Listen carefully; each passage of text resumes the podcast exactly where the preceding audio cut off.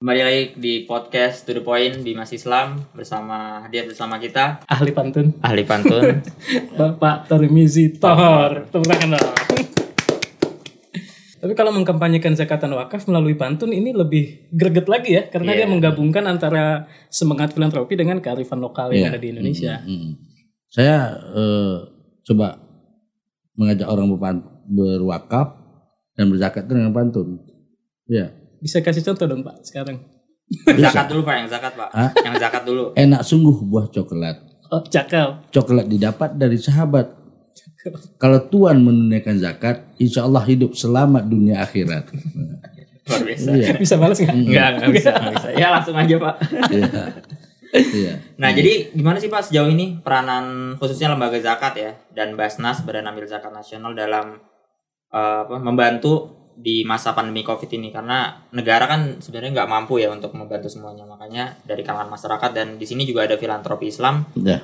gimana tuh pak? Alhamdulillah eh, memang di masa pandemi ini ya mungkin hampir semua kalangan yang punya kemampuan ya membantu dalam rangka untuk penanganan masalah eh, pandemi eh, COVID-19 ini. Termasuk di lembaga-lembaga zakat itu sendiri eh, walaupun mungkin tidak menjangkau keseluruhan masyarakat tapi alhamdulillah sudah eh, dilakukan oleh lembaga-lembaga zakat LAS maupun Basnas itu sendiri dengan berbagai program Hmm. ada program pencegahan, ada program semacam apa penyembuhan, kemudian juga ada program yang eh, untuk membantu orang dalam bahkan juga dibantu membantu orang-orang dalam kesusahan, Hmm. ya sembako, bentuk eh, uang tunai dan sebagainya. Itu ini, ini cukup eh, besar yang sudah dilakukan oleh lembaga zakat yang yang ada ini. Dan ini memang harus dilakukan memang harus eh, dilakukan. Memang masa pandemi covid ini orang sangat eh, memerlukan ya bantuan itu sendiri. Jadi eh, makanya lembaga zakat kemudian Basnas sendiri sudah melakukan ini dan kita berharap ini terus eh, diupayakan terus oleh lembaga zakat ini untuk membantu terutama masyarakat susah yang membutuhkan itu. Artinya apa? Tidak pada pandemi covid mereka sudah susah Hmm. apalagi di zaman pandemi covid ini. Artinya harus ada lipatan ganda barangkali yang dibantu oleh lembaga-lembaga eh, zakat baik pengelas maupun basnas ini sendiri mungkin bisa kita lihat eh, apa eh, Ada datanya juga ya? ada, Ada ada, datanya. Bisa ditampilkan ya? ya bisa Ya, kita sambil lihat ya. ya Berarti tidak sebatas hanya di pandemi saja ya Pak Direktur ya. ya mm, Eh, bencana alam seperti yang kemarin misalnya iya eh, di mana Kalimantan Selatan, di Sulawesi Barat Iya. itu juga kontribusi zakatan wakaf bisa membantu Iya. korban bencana ya. Bahkan dulu di Aceh waktu tahun 2017 waktu di eh, PD ya, Hmm. itu saya dengan Basnas dengan dan zakat ini kita membangun 40 rumah masyarakat. Hmm. Itu tahun 17 waktu gempa Aceh yang besar Korban di, di- gempa. korban gempa itu. Karena ada 40 rumah yang hancur, walaupun rumah sederhana eh, dibangun oleh Basnas kerjasama dengan Bima Islam punya agama itu zakat dan wakaf waktu itu ya kita bangun. Alhamdulillah eh, yang tadinya mereka ditempatkan di tenda-tenda dan jangka tidak sampai tiga bulan mereka sudah punya rumah sendiri. Walaupun rumah sederhana tapi mereka sudah punya rumah sendiri. Ada se- 40 rumah dan satu mu- munasah ya satu musola yang hancur ya. Alhamdulillah tiga bulan setelah mereka tunggu saya turun ke sana mantau eh, mereka sangat terima kasih apa yang sudah eh, kita eh, lakukan. Nah, apalagi di masa pandemi covid ini ini, juga datanya juga Iya. menarik juga nih bang ya ini ada eh, 142 ya 142 UPZ tergabung eh, sudah melaporkan kita. Oke ada yang belum lapor. Ini dari las saja itu sudah apa dari ini ada 250 miliar ya ya. Ini memberi bantuan eh, ada yang untuk klaster pertama untuk OPD, PDP dan apa penanganan jenazah. Kemudian juga ada yang dalam bentuk apa bantuan-bantuan eh, pencegahan yaitu seperti apa eh, penyiraman penyiraman gitu. desinfektan dan sebagainya itu penyemprotan APD dan sebagainya itu. Juga ada bantuan fase 3 itu bantuan sembako, bantuan langsung non tunai, penyediaan cadangan pangan, bantuan UMKM ya. UMKM dan lain sebagainya ini dilakukan oleh eh, lembaga-lembaga zakat ini. Ini ini eh, apa dari pos saya ini 250 miliar yang sudah masuk laporan kita. Memang ini terus yang saya sampaikan bukan langsung dioper eh, oleh dari Kementerian Agama Ya. karena kita eh, di lembaga negara terkait Kementerian Agama Perannya itu, itu, bukan perannya untuk untuk menyalurkan langsung. Hmm. Kita hanya peran pembinaan dan pengawasan. Hmm. Yang berperan langsung untuk menerima dan menyalurkan itu adalah lembaga zakat itu sendiri. Das dan dan Basnas itu sendiri ini juga alhamdulillah eh, eh, ini ini yang masuk laporan kita. Mungkin ada yang belum masuk laporan kita ya. Ini bantuan yang diberikan oleh lembaga zakat yang memungut eh, apa eh, zakat ibadah dan sedekah itu. OPZ itu organisasi pengelola zakat. pengelola Ya, zakat. Iya, ah, iya. Jadi dana yang dipakai untuk bantuan-bantuan ini semua uh, Hmm. dari dana Dari dana muzaki kan dikelola langsung ke mustahik. Oke. Iya. Jadi sifatnya Kementerian Agama hanya menerima laporan aja gitu kita ya. Ya? laporan karena memang undang-undang mengatur bukan kita yang menyalurkan itu pun kalau kita mengumpulkan itu kalangan kita sendiri nanti uang yang kita kumpul kita serahkan ke Basnas setelah lembaga zakat mereka yang menyalurkan kepada yang uh, mustahik yang penerima eh, zakat sendiri. jadi sesuai peran yang tadi disampaikan ya, Pak Iya, Direktur. iya. ha. Ini kita lihat ini ada kleter apa? Eh, pertama pendampingan OPD, ventilator, layanan pasien COVID, isolasi mandiri, penurunan jasa, apa ambulan, eh, kemudian ambulan Ada- jenazah, ada ada, rapid rapid test, ya. ya ini orang-orang yang sangat membutuhkan, sementara mereka memang tidak punya kemampuan itu. Kelas kedua ada pemberian masker, disinfektan, semprot itu, ya. Kemudian dan ada beberapa macam lagi ini ada termasuk yang yang ini penting Ini yang menarik nih. suplemen suplemen ini Hmm. ya ini juga penting untuk penguatan imun daripada masyarakat Iya. sendiri. Nah yang ketiga ini eh, bantuan pangan. Nah, Ini ini, ini sangat dibutuhkan karena memang orang sudah eh, kehilangan pekerjaan dan sebagainya. Bantuan langsung bahan pangan juga ya, Pak Ya, Direktur ya. iya ada. Langsung bantuan langsung bahan pangan. Ini laporan yang masuk kita. Kemudian eh, non pangan juga ada seperti uang tunai. Hmm. Ya. Karena itu juga sangat dibutuhkan oleh eh, masa pandemi ini. Kemudian penyediaan cadangan pangan. Kemudian eh, bantuan pelaku UMKM. Ini Ini yang menarik Ya. ban- bantuan pelaku UMKM ya. Iya. Jadi zakat itu ternyata kalau dikelola secara profesional benar-benar bisa berdaya ya. Betul. benar. Itu terasa. yang yang sering kita sebut dengan eh, apa zakat produktif itu. Hmm. Jadi Zakat produktif. produktif. Jadi kalau orang susah kita kasihkan modal sehingga dia apa eh, melaksanakan dengan baik, kita berharap mungkin hanya setahun setahun ke depan dia tidak akan menerima lagi. Nah, mungkin dia sudah termasuk orang mampu berzakat ya. Hmm. Ya. Ini klaster yang ana bantuan pangan bantuan langsung, ini ada foto-fotonya seperti ini. Kalau ini ya. bantuan langsung ya. Iya, langsung. bantuan langsung Oke. diberikan kepada orang miskin ini ada yang langsung diantar oleh ya, petugas dari lembaga zakat itu sendiri. Nah, ini ini memang sangat dibutuhkan oleh eh, masyarakat itu yang pada masa pandemi covid ini. Kita lihat yang lain lagi nih. Dan Ya, berikutnya. Ya. Kalau ini Basnas ya Pak. Ah ya? ini Basna tadi eh, UP- Las- las- las ya, las. ya, las. ah. Ini dari eh, Basna itu sendiri kalau tidak salah itu ada sekitar 16 M ya Pak ya. 16 miliar. Jadi kalau total semua antara LAS dan Basnas sampai hari ini laporan kami masuk itu eh, 296 miliar, hampir hampir 300 miliar sudah bantuan yang disalurkan lembaga zakat, zakat ini kepada eh, mustahik orang-orang yang sangat susah, yang sangat memerlukan pada masa eh, pandemi eh, COVID ini, termasuk logistik, cash work, 200 berapa tadi?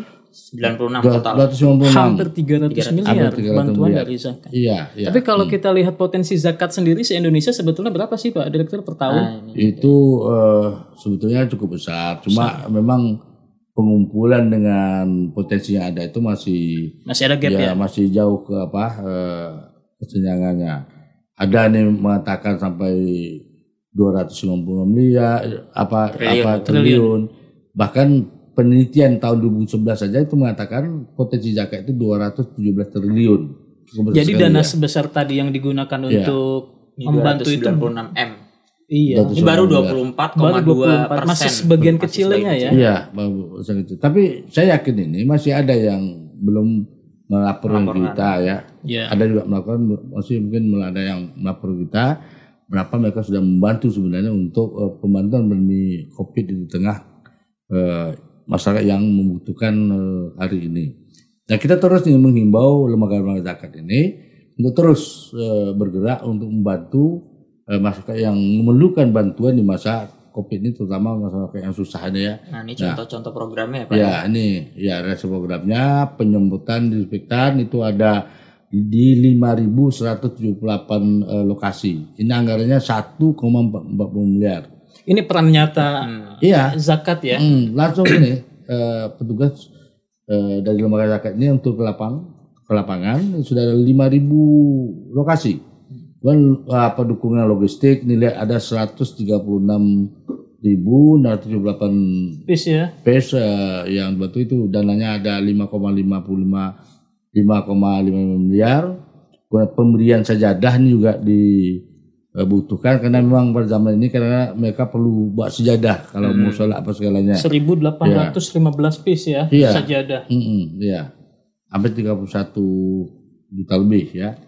Kemudian edukasi didikan ya beri pencerahan um, Penyuluhan-penyuluhan, penyuluhan, pendidikan ya. kepada masyarakat itu ada 1254 lokasi eh, lembaga zakat ini yang turun ke lapangan memberi penyuluhan kepada saya mengajak orang pakai masker misalnya menjaga jarak misalnya apa yang harus dilakukan di zaman covid ini juga dilakukan oleh lembaga eh, zakat ini sendiri. Kemudian pemberian masker ini ada 297 Berapa tuh 297 ribu 927 ya? Iya, ini eh, cukup lumayan untuk eh, diberikan kepada masyarakat. Itu hampir 1,3 m itu untuk membeli masker yang langsung diberikan kepada masyarakat. Kalau wastafel juga ini ada 545 unit wastafel yang di- diberikan diberikan bantuan ya kepada eh, masyarakat. Ini ya cuci karpet masjid ya ini lembaga ini turun ke lapangan untuk mencuci masjid karena memang masjid kita banyak karpet tapi tidak semuanya masjid kita yang punya mesin vakum itu maka masjid perlu dibantu untuk membersihkan ini Dan karpet itu kan salah satu media yang cukup rawan ya ya. untuk penularan. penyimpanan virus tadi itu ya ya Mm, makanya Maka ada program cuci karpet. maka karpet ya. perlu sekali eh, ada pencucian karpet ini. Ya, jadi masjid mungkin mari supaya yang kecil, masjid yang punya vakum, itu. Vakum, betul. Padahal hampir semua masjid kita ini pakai karpet, Karpet, maka perlu bantuan itu. Nah, Pembagian hand sanitizer juga eh, ada 50.720 patch kepada masyarakat. Kemudian eh, ini ada eh, ruangan isolasi juga ini ya ada tujuh unit ruang isolasi eh, disediakan oleh lembaga zakat ini kalau ada orang apa eh, kena covid ada ruang isolasi yang disediakan oleh lembaga zakat juga Karena lembaga zakat juga punya klinik ya, Pak ya? Iya, klinik ada. kesehatan ya. ya ada Ah. Ini intinya Iya. peran zakat itu ternyata sangat konkret, ya, sangat real di Iya. tengah pandemi COVID-19. Betul. ah, ah. Orang miskin itu sama seperti orang kaya juga. Dia bukan hanya perlu kampung tengahnya. Kamp- Kampung saya apa kampung tengah. Bukan hanya sembako yang dia perlukan. Hmm. Pendidikan, kesehatan, sandang, pangan, papan itu mereka juga butuh. Nah makanya kita kalau memberi bantuan itu sebetulnya harus full seperti itu. Jadi juga Supaya dan- yang mereka Ya, tadinya kalau mustahik hanya- bisa jadi mustahik ya, kalau Pak? hanya beras yang kita bantu, tapi dia akan buta huruf kalau tidak bantu kita pendidikan. Hmm. Kalau Dia buta huruf. apa bu? Ya Kalau Iya, sakit betul. juga, Iya. Pak. Iya kan? nanti kalau kita kasihkan sembako sementara kesehatannya juga kalau dia sakit tidak kita bantu ya juga. Jadi semuanya harus harus full. holistik Ya harus seperti itu. Bahkan ini saya katakan tadi juga perlu kita memberikan pemberdayaan itu tadi. Kita kasih modal, mereka mengembangkan modalnya, dan setahun ke depan dia tidak miskin lagi. Itu yang supaya saya dia tidak terus menerus menjadi mustahik Mustahil, iya. tapi dia bisa iya. berkembang grow up menjadi Saya tahun muzaki. 90-an pernah menjadi ketua amil di masjid waktu itu. Empat tahun tak diganti saya ketua amil zakat fitrah itu. awet Yang saya herannya setiap tahun itu orang miskin bertambah terus. Saya kaget. Di situlah mulai saya pikir, untuk apa zakat ini? Orang bayar zakat, orang miskin semakin bertambah. Saya pikir itu. oke Ya, seorang nggak ada guna zakat nih. Orang miskin, eh, orang terus berzakat, orang miskin semakin bertambah. Nah, artinya adalah dengan zakat ini yang produktif mengurangi paling tidak ya adalah orang-orang miskin yang tidak miskin lagi dengan pembiayaan yang dilakukan zakat ini. Ini yang ya juga harus kita lakukan ke depan nantinya. Nah jadi saya sering sampaikan kalau orang miskin dikasih 500 ribu, Hmm. tujuh langkah dari kata Basnas tidak miskin lagi. ya pasti itu. Habis Ya. duitnya. Habis duitnya. Tujuh langkah aja itu miskin lagi. Tapi kalau kita kasih 30 40 juta, nah kita berharap dia tak datang lagi kan terbatas cukup sekali itu saja. Nah, tapi harus kita bimbing ya. Ini Jadi programnya pemberdayaan, Pemberdayaan, bukan iya. cuma ngasih Betul. ngasih gitu ya. Iya, ini bisa kita lakukan depan nantinya. Nah, jadi ini juga ada bantuan sembako, hmm. walk, kemudian apa ada makan eh, apa Siap saji, uang lainnya ini juga dilakukan oleh lembaga masyarakat yang ada ini. Nah, ini contohnya ya, Pak ya. Ya, ini contohnya ya. Pembuatan disinfektan di kantor. Mm-mm, ya, ya, ah, ah. Oke. ya. Jadi, disinfeksi ya. mm-mm, ya. Jadi ada antisipasinya. Oke, boleh. Iya. Nah, ini apa ini? Ini, Kalau ini yang forum zakat, yang lembaga amil zakat. ya, Hmm. ah. Jadi Forum Zakat ini adalah organisasi yang menaungi Hmm. lembaga-lembaga Lembaga zakat yang zakat. ada, ya, ya. Tetap bekerja sama di bawah pengawasan dari Kementerian Agama. eh, agama. Ini selalu kita rapat koordinasi bersama dengan pos ini maupun dengan Basnas eh, kaitan dengan masalah bagaimana pengembangan zakat ini ke depan nantinya supaya itu terkoordinir dengan baik. Nah, ini yang dilakukan Basnas. ya, ini ya. lakukan Basnas ini. Ada contohnya itu. Yang oh karpet Ini yang masjid. karpet masjid ya? Nah, Iya, seperti itu. vakum itu ya. Kemudian penyemprotan disinfektan. Iya, ah, Di iya. tempat umum ya. Jadi Iya. nggak cuma di Nggak rumah cuma- ibadah Ya, tempat atau di sekolah. dan di tempat umum dan terutama di tempat yang memang eh, ter, Rentan, riskan. dengan COVID itu ya ini dilakukan. Ya. Hmm. Hmm. Ini ada beberapa lesnya kon. Ya. Nah, ini contoh- pemberian sembako pemberian ya. sembako kepada eh, mustahik ya yang mana eh, dengan ini diharapkan ya bisa betul lah membantu mereka dan itu juga ada vitamin dan sebagainya untuk menguatkan imun para mustahik ini. Iya. Ya. mm. Ini ini Kalau ini kan uh, contoh-contoh yang zakat ya. Hmm. Kalau di wakaf sendiri ada yang Wakaf ada Pak. ada ada ada. Ya. ya? eh, jadi ya. ah. Nah, ini wakaf nih. Nah, ini ini ini sekarang kan kita sudah viral hari ini bahwa selama ini kita hanya mengenal dengan wakaf eh, tidak bergerak Hmm, wakaf tanah, tanah ya, bangun ba- eh, tanah dan bangunan. Tapi alhamdulillah beberapa tahun belakang ini kita ada namanya wakaf tunai itu atau bahasa bahasa cepat dipahami itu wakaf uang. Hmm. Orang dulu kan tahunya wakaf itu dengan tanah, bangunan, Hmm. pasir satu sak, eh, keramik satu kota. Hmm. Nah, sekarang sudah ada wakaf uang, sudah ada undang-undang dan ada aturannya. Tapi untuk kita pahami sebetulnya wakaf uang ini bukan masuk ke kas negara. Hmm. Ya, tolong ini dipahami betul. Itu wakaf uang ini tetap dikelola oleh nazir. Hmm. Saya mau berwakaf, saya akan mencari siapa nazir yang mengelolanya. Tetap dikelola oleh oleh eh, para nazir itu. Hmm. Nah, dengan eh, wakaf ini juga eh, dan nazir ini juga sudah juga bantuan-bantuan kepada COVID ini. Itu ada eskalator apa untuk bantuan pernapasan itu bagian nano itu juga ada dari lembaga eh, apa Nazir Wakaf ini. Ada juga ini kontainer yang sudah tidak pakai dipermak dijadikan tempat eh, Ruang isolasi. isolasi, Ya, ini ini kontainer untuk rumah Ya. sakit COVID-19. Ya. Jadi di dalam kontainer ini disulap untuk menjadi ya Tempat isolasi tempat pasien COVID. isolasi. Ya. Dengan dana wakaf. Dana wakaf. Ya dan dan wakaf ini yang siapa yang melakukan ini para nazir yang sudah eh, Hmm. Ini ditunjuk contohnya itu. dompet Ini contoh. duafa ya, Pak ya? Ya ini Dompet dompet duafa kan salah satu nazir, Nazir. yang ditunjuk. Hmm. Ya. Jadi orang berwakaf ke melalui dompet, duafa, dompet duafa membuat, Ya. Membuat. program ini sesuai dengan keinginan daripada wakif itu sendiri. Hmm. Atau memang seperti itu. Nah ini salah Jadi satu akarnya contohnya. itu si wakif bisa memang sudah itu menentukan, untuk bisa bantuan juga COVID. membebaskan ya. Iya, Iya. bisa. Tapi pada umumnya ada ditentukan. Hmm. Guna wakaf ini, uang ini kegunaannya untuk ini ini. Itu dalam dalam ikrarnya dibuat. Berarti itu namanya wakaf melalui uang ya. Iya. ah. Jadi Ini tepatnya misalnya wakaf project. saya berwakaf wakaf uang project. 100 juta. Nazirnya misal katakanlah ini yang tadi duafa. duafa. Hmm. Di dalam AIW itu terbunyi untuk bantuan COVID. Nah, Hmm. itu. Atau saya berwakaf untuk eh, apa eh, pendidikan Hmm. atau untuk eh, pengembangan ekonomi itu terbunyi di dalam akta ikrar wakafnya wakafnya. ketika kita berwakaf itu. Buat apa? Dan kita sudah menunjuk langsung nazir siapa nazir yang pengelolanya. Dan nazir mengurusnya itu sesuai dengan komitmen di dalam ada di dalam AIW itu. Ini seperti yang dilakukan oleh dompet dua pak ya. Ini juga Ya. menarik Nah. Wakaf ventilator ventilator ya ini ya. oleh Nazir. Ini ventilator, wakaf ventilator ini berarti si Nazir memang ngasih ventilator atau dia kasih uang terus Kalau Nah. coba nih nanti.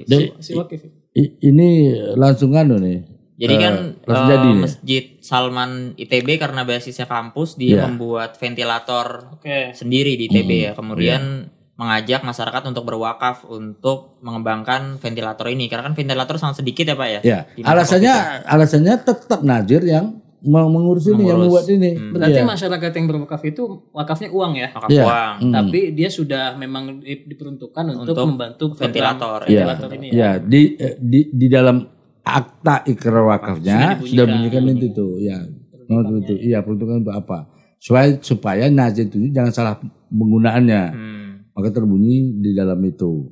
Nah, ini Jadi kita bahu membahu di mohon maaf Pak, Pak Direktur. Jadi kita bahu membahu untuk membantu masyarakat di tengah pandemi Covid ini juga bisa lewat pendekatan zakatan wakaf ya. Betul, Bisa. betul, betul. Ya, enggak enggak serta merta misalnya kita ngasih sumbangan aja Hmm. gitu, tapi bentuknya bisa wakaf. Bisa. Jadi eh, lembaga zakat dan wakaf ya eh, lembaga zakat ini yang menyalurkan.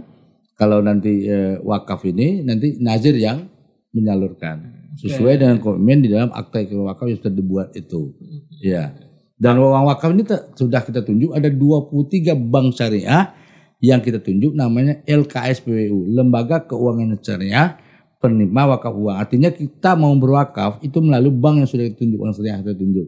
Di situlah nanti akta ikrar wakaf dibuat, di situlah nanti yang pewakaf menunjuk siapa nazirnya. Ya, jadi sudah ada bank yang saya tunjuk, sudah resmi bank yang kita tunjuk itu. Nah, bahkan orang yang berwakaf di atas sejuta atau eh, minimal sejuta ke atas itu akan dibagi sertifikat penghargaan. Tapi yang sejuta Ke bawah. ke bawah enggak. Jadi Pak Sigit nanti kalau mau dapat sertifikat berwakaflah di atas sejuta. Itu ada ada dan disiapkan di di LKV di, Di bank bank-bank ya. itu ada. Kalau saya wakafnya lima ratus ribu nggak dapat. Enggak dapat. Kalau ya. dua kali lima ratus ribu dapat nggak? Tetap enggak dapat. Dia harus harus satu kali store itu sejutanya itu. Jadi nggak Iya. boleh nyicil ya. Ya, mau cicil ya. Saya tadi lihat yang forum zakat, yang FOS sama Iya. lembaga-lembaga zakat sama tadi lihat peta tuh jadi ingat eh, ada juga dulu tuh kalau nggak keliru kampung zakat ya Pak Direktur ya. Alhamdulillah kita sudah ada 15 Hmm. kampung zakat yang sudah kita resmikan. Hmm. Ini di luar yang. COVID ya, agak Iya. melenceng dikit. Saya juga Iya. tertarik apa sih sebetulnya kampung zakat itu? Nah ini eh, saya punya ide daun tahun 2017. Bahkan dari, dari tahun 2016. Hmm. Waktu saya di zakat prodi pertama dulu, ya zakat di dulu. Saya ingin bahwa dengan uang zakat ini betul-betul bisa memperbaiki ekonomi masyarakat. Oke. Nah maka kita buat ide namanya kampung zakat. Tapi dengan catatan betul-betul daerah 3T. Termiskin, Ter- terluar, tertinggal. eh, tertinggal itu ya. Hmm. Kita cari daerahnya sesuai dengan usulan dari daerah masing-masing. Alhamdulillah sudah 15 ini daerah. Jadi kita kerjasama dengan lembaga zakat, dengan LAS, dengan Basnas, kita kerjasama. Apa daerah situ posisinya? Kalau posisinya perikanan kita beri, bantu perikanan. Di situ pertanian-pertanian. Alhamdulillah ini berjalan terus. Bahkan kita juga bersamaan dengan eh, Pemda eh, setempat. Saya ada beberapa provinsi saya, saya yang yang turun meresmikan eh, kampung zakat. Dan ini akan dan saya punya ide ke depan saya akan tambah lagi namanya kampung zakat wakaf. Jadi Ya, lebih, luas lagi. Jadi Basnas, BWI juga gabung di situ, LAS juga gabung di situ bersama dengan Kementerian Agama. Sehingga ini lebih ya, kencang lagi untuk eh, perbaikan. Jadi ada tiga hal perbaikan. Perbaikan ekonomi, Hmm. perbaikan hidup keagamaan, perbaikan sosial kemasyarakatan. Tiga ini harus kita lembur. Jangan nanti orang itu daerahnya tidak miskin lagi, tapi ibadahnya tak bagus. Hmm, hmm, hmm. Atau dia tidak miskin, ibadahnya bagus, tapi sosial kemasyarakatan tak bagus. Yang tiga ini harus kita satu. Tiga-tiganya Harus harus, digabung gitu. maksimal ya. Ekonominya bagus, kemasyarakatan ini Spiritualnya juga. sebetulnya bagus, kemudian Sosial kemasyarakatan bagus. Tiga hal ini menjadi kunci untuk kita kembangkan ke depan untuk eh, kampung zakat ini. Di ini alhamdulillah ada ada beberapa provinsi nyusul lagi nih, ya. Jadi kita bawa sama Basnas, LAS eh, kita bawa sama ke lapangan untuk mengurusi ini dengan bantuan dana zakat ini. Berarti Ya. kalau tiga aspek tadi yang dibangun, bidang-bidang yang kemudian diberdayakan di kampung zakat itu juga hampir meliputi semua sektor ya. Iya. Iya. Hmm. Dan saya kalau ini kita gandingkan dengan beberapa kementerian yang terkait dengan ini juga luar biasa. Hmm. Ya, ada kementerian lain juga ikut oh, itu sangat luar biasa juga ini, ya. Sehingga saya saya ingin sekali lagi si- saya tambahkan Hmm. Supaya orang-orang kaya itu nampak dia Hmm. berzakat itu hasilnya nampaknya sehingga orang kaya itu bertarik untuk berzakat itu. Konkret ya. Konkret kelihatannya. Bisa ya. dilihat. Betul, ya itu yang sangat kita harapkan dengan itu. Tapi dulu Iya. orang-orang kaya itu banyak yang bayar zakat tuh narikin orang ke dat- datang ke rumahnya, Pak. Ya. Sampai 100 orang, 200 Iya. orang. Ya. Sampai kasus ada Tapi alhamdulillah sekarang sekarang sudah melalui. Makanya dalam ayat ada amil itu kan. Hmm. Ya, amil itu tuh lembaga zakat tadi supaya zakat itu lebih terarah. Jadi yang Iya. model kaya tadi itu nggak direkomendasikan ya. Iya.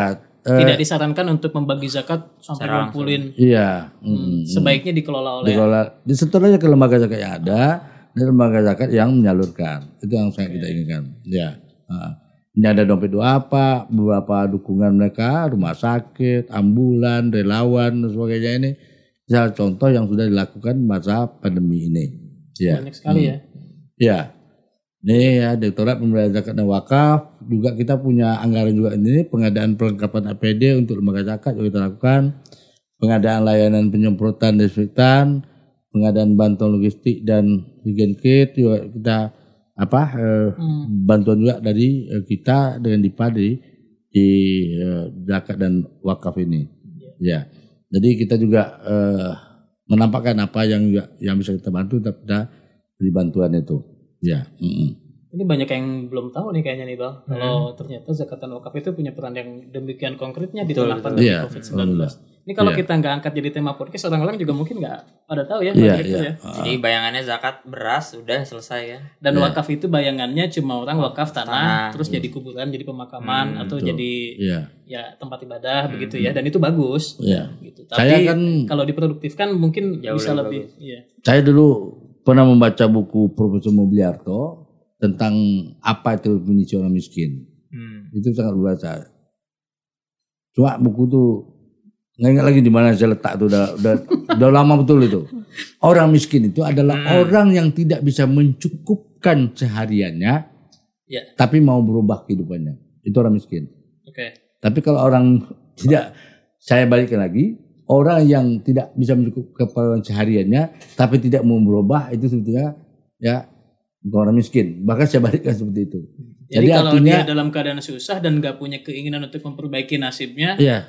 Itu itu susah mau kita kata orang miskin. Coba apa? Bantuan apa pun kita bagikan, dia tidak Habis seperti itu. Maka bantuan yang yang yang produktif tadi juga harus di Harus ada pendampingan ya Pak ya. ya ada harus kita pilih juga orang-orangnya. makanya Ada bantuan itu nggak cukup dikasih tapi berdayakan ya, Iya, supaya mindset betul. dia juga berubah. Iya, iya, iya. Nah, itu juga harus ya, di, dilakukan. Jadi Pemberdayaan Zakat ya juga memberikan bantuan-bantuan ini. Ini Video banyak banget ya pokoknya bantuan ya. pemberdayaan asnaf, kemudian pembuatan apa poska sebagai sarana edukasi, kemudian ada beberapa program juga yang ada di kita walaupun eh, sangat terbatas anggaran kita ya kita juga tetap melakukan hal ini di masa pandemi eh, Covid ini.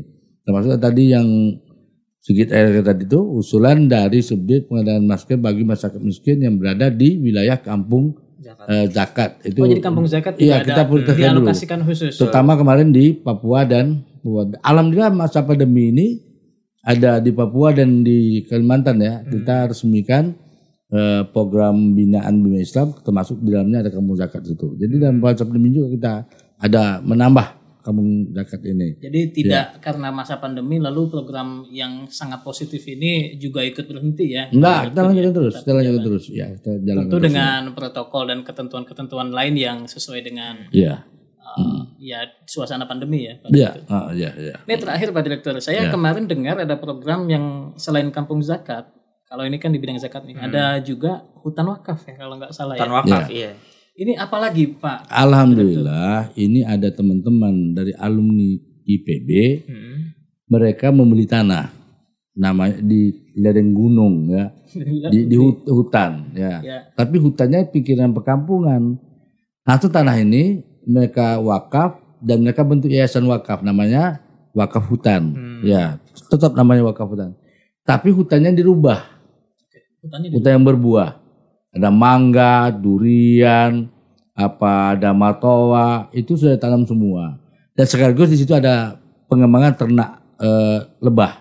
Hmm, Ya. Madu berarti ya. Udah madu Berarti lebah. Madu Ya. hutan ya berarti. Ya.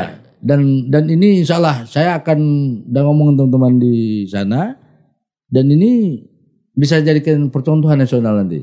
Hmm. Dan di sana pekerjanya masyarakat setempat dimanfaatkan untuk mengurus ini. Jadi pemberdayaan masyarakat. Pemberdayaan masyarakat di situ ya. Jadi ini eh, satu program bahwa hutan wakaf pun bisa kita kembangkan menjadi hal yang produktif kalau kita mau. Apalagi tanah yang berada di di perkotaan itu, ya. Kalau diduplikasi di daerah lain luar biasa ya. Iya, Hmm, ini insya Allah saya pikirkan dalam setahun juga. Dan di situ saya sudah sampaikan, dan ini akan menjadi objek wisata karena daerahnya bagus, al- alamnya bagus. Hmm. Tapi orang datang situ ada yang tenteng bawa pulang nanti, itu buah-buahannya ditanam di situ. Ya, Berkat wakaf ya. Iya. Ini kayaknya untuk hutan wakaf dan kampung zakat kita Iya. perlu satu episode khusus nih Bal nanti kita bahas ya. Jadi Kayaknya saya ini ingin nanti ada hutan wakaf yang lain, tanah wakaf yang ingin di hutan lain, itu kita kembangkan seperti ini. Sangat luar biasa sekali. Ya, ternyata mengolahnya mudah. Saya lihat tadi kemarin ternak lebah itu, saya gampang sebetulnya. Ya, ternak- lebah itu. Iya, Ya. Nggak perlu Nah, karena ini tadi nyinggung wakaf, Hmm, ini ada pantun tentang pantun, wakaf ini. pantun, Tadi cakep. pantun zakat ya, Iya. ini pantun wakaf. Nah, tadi pantun zakat udah. Iya. Ya. Ah. Sekarang pantun wakaf. Patah ranting berderap-derap, pohon mangga dibelah-belah. Cakep. Cakep. kalau Tuhan menunaikan wakaf, insya Allah hidup penuh barokah. Wakafnya kalau kita berwakaf, insya Allah harta benda kita barokah dalam kehidupan kita ini. Amin. Iya. Amin. Ini langsung tutup nih. Kalau tutup Iya. saya lanjut pantun Ya, ini. oh, Tutup Pak, dipantun Closing, pakai closing, pantun. Pak, Closing closing. pakai pantun. Oh, ya, ya. Saya saya tambah pantun. Kalau ada jarum yang patah, tentu tidak bisa menjahit lagi. Ini saya rubah sedikit. Iya. Kalau ada kata-kata saya silap dan salah, yang para penonton, bapak-bapak jangan laporkan ke bini, ibu-ibu jangan laporkan ke laki, cukupkan saja sampai di sini. Ya jangan lapor-lapor lagi. Ya. Sudah lama tak pulang ke rumah, pulang ke rumah badan terjatuh. Mohon maaf silap dan salah. Assalamualaikum warahmatullahi wabarakatuh. Waalaikumsalam warahmatullahi wabarakatuh.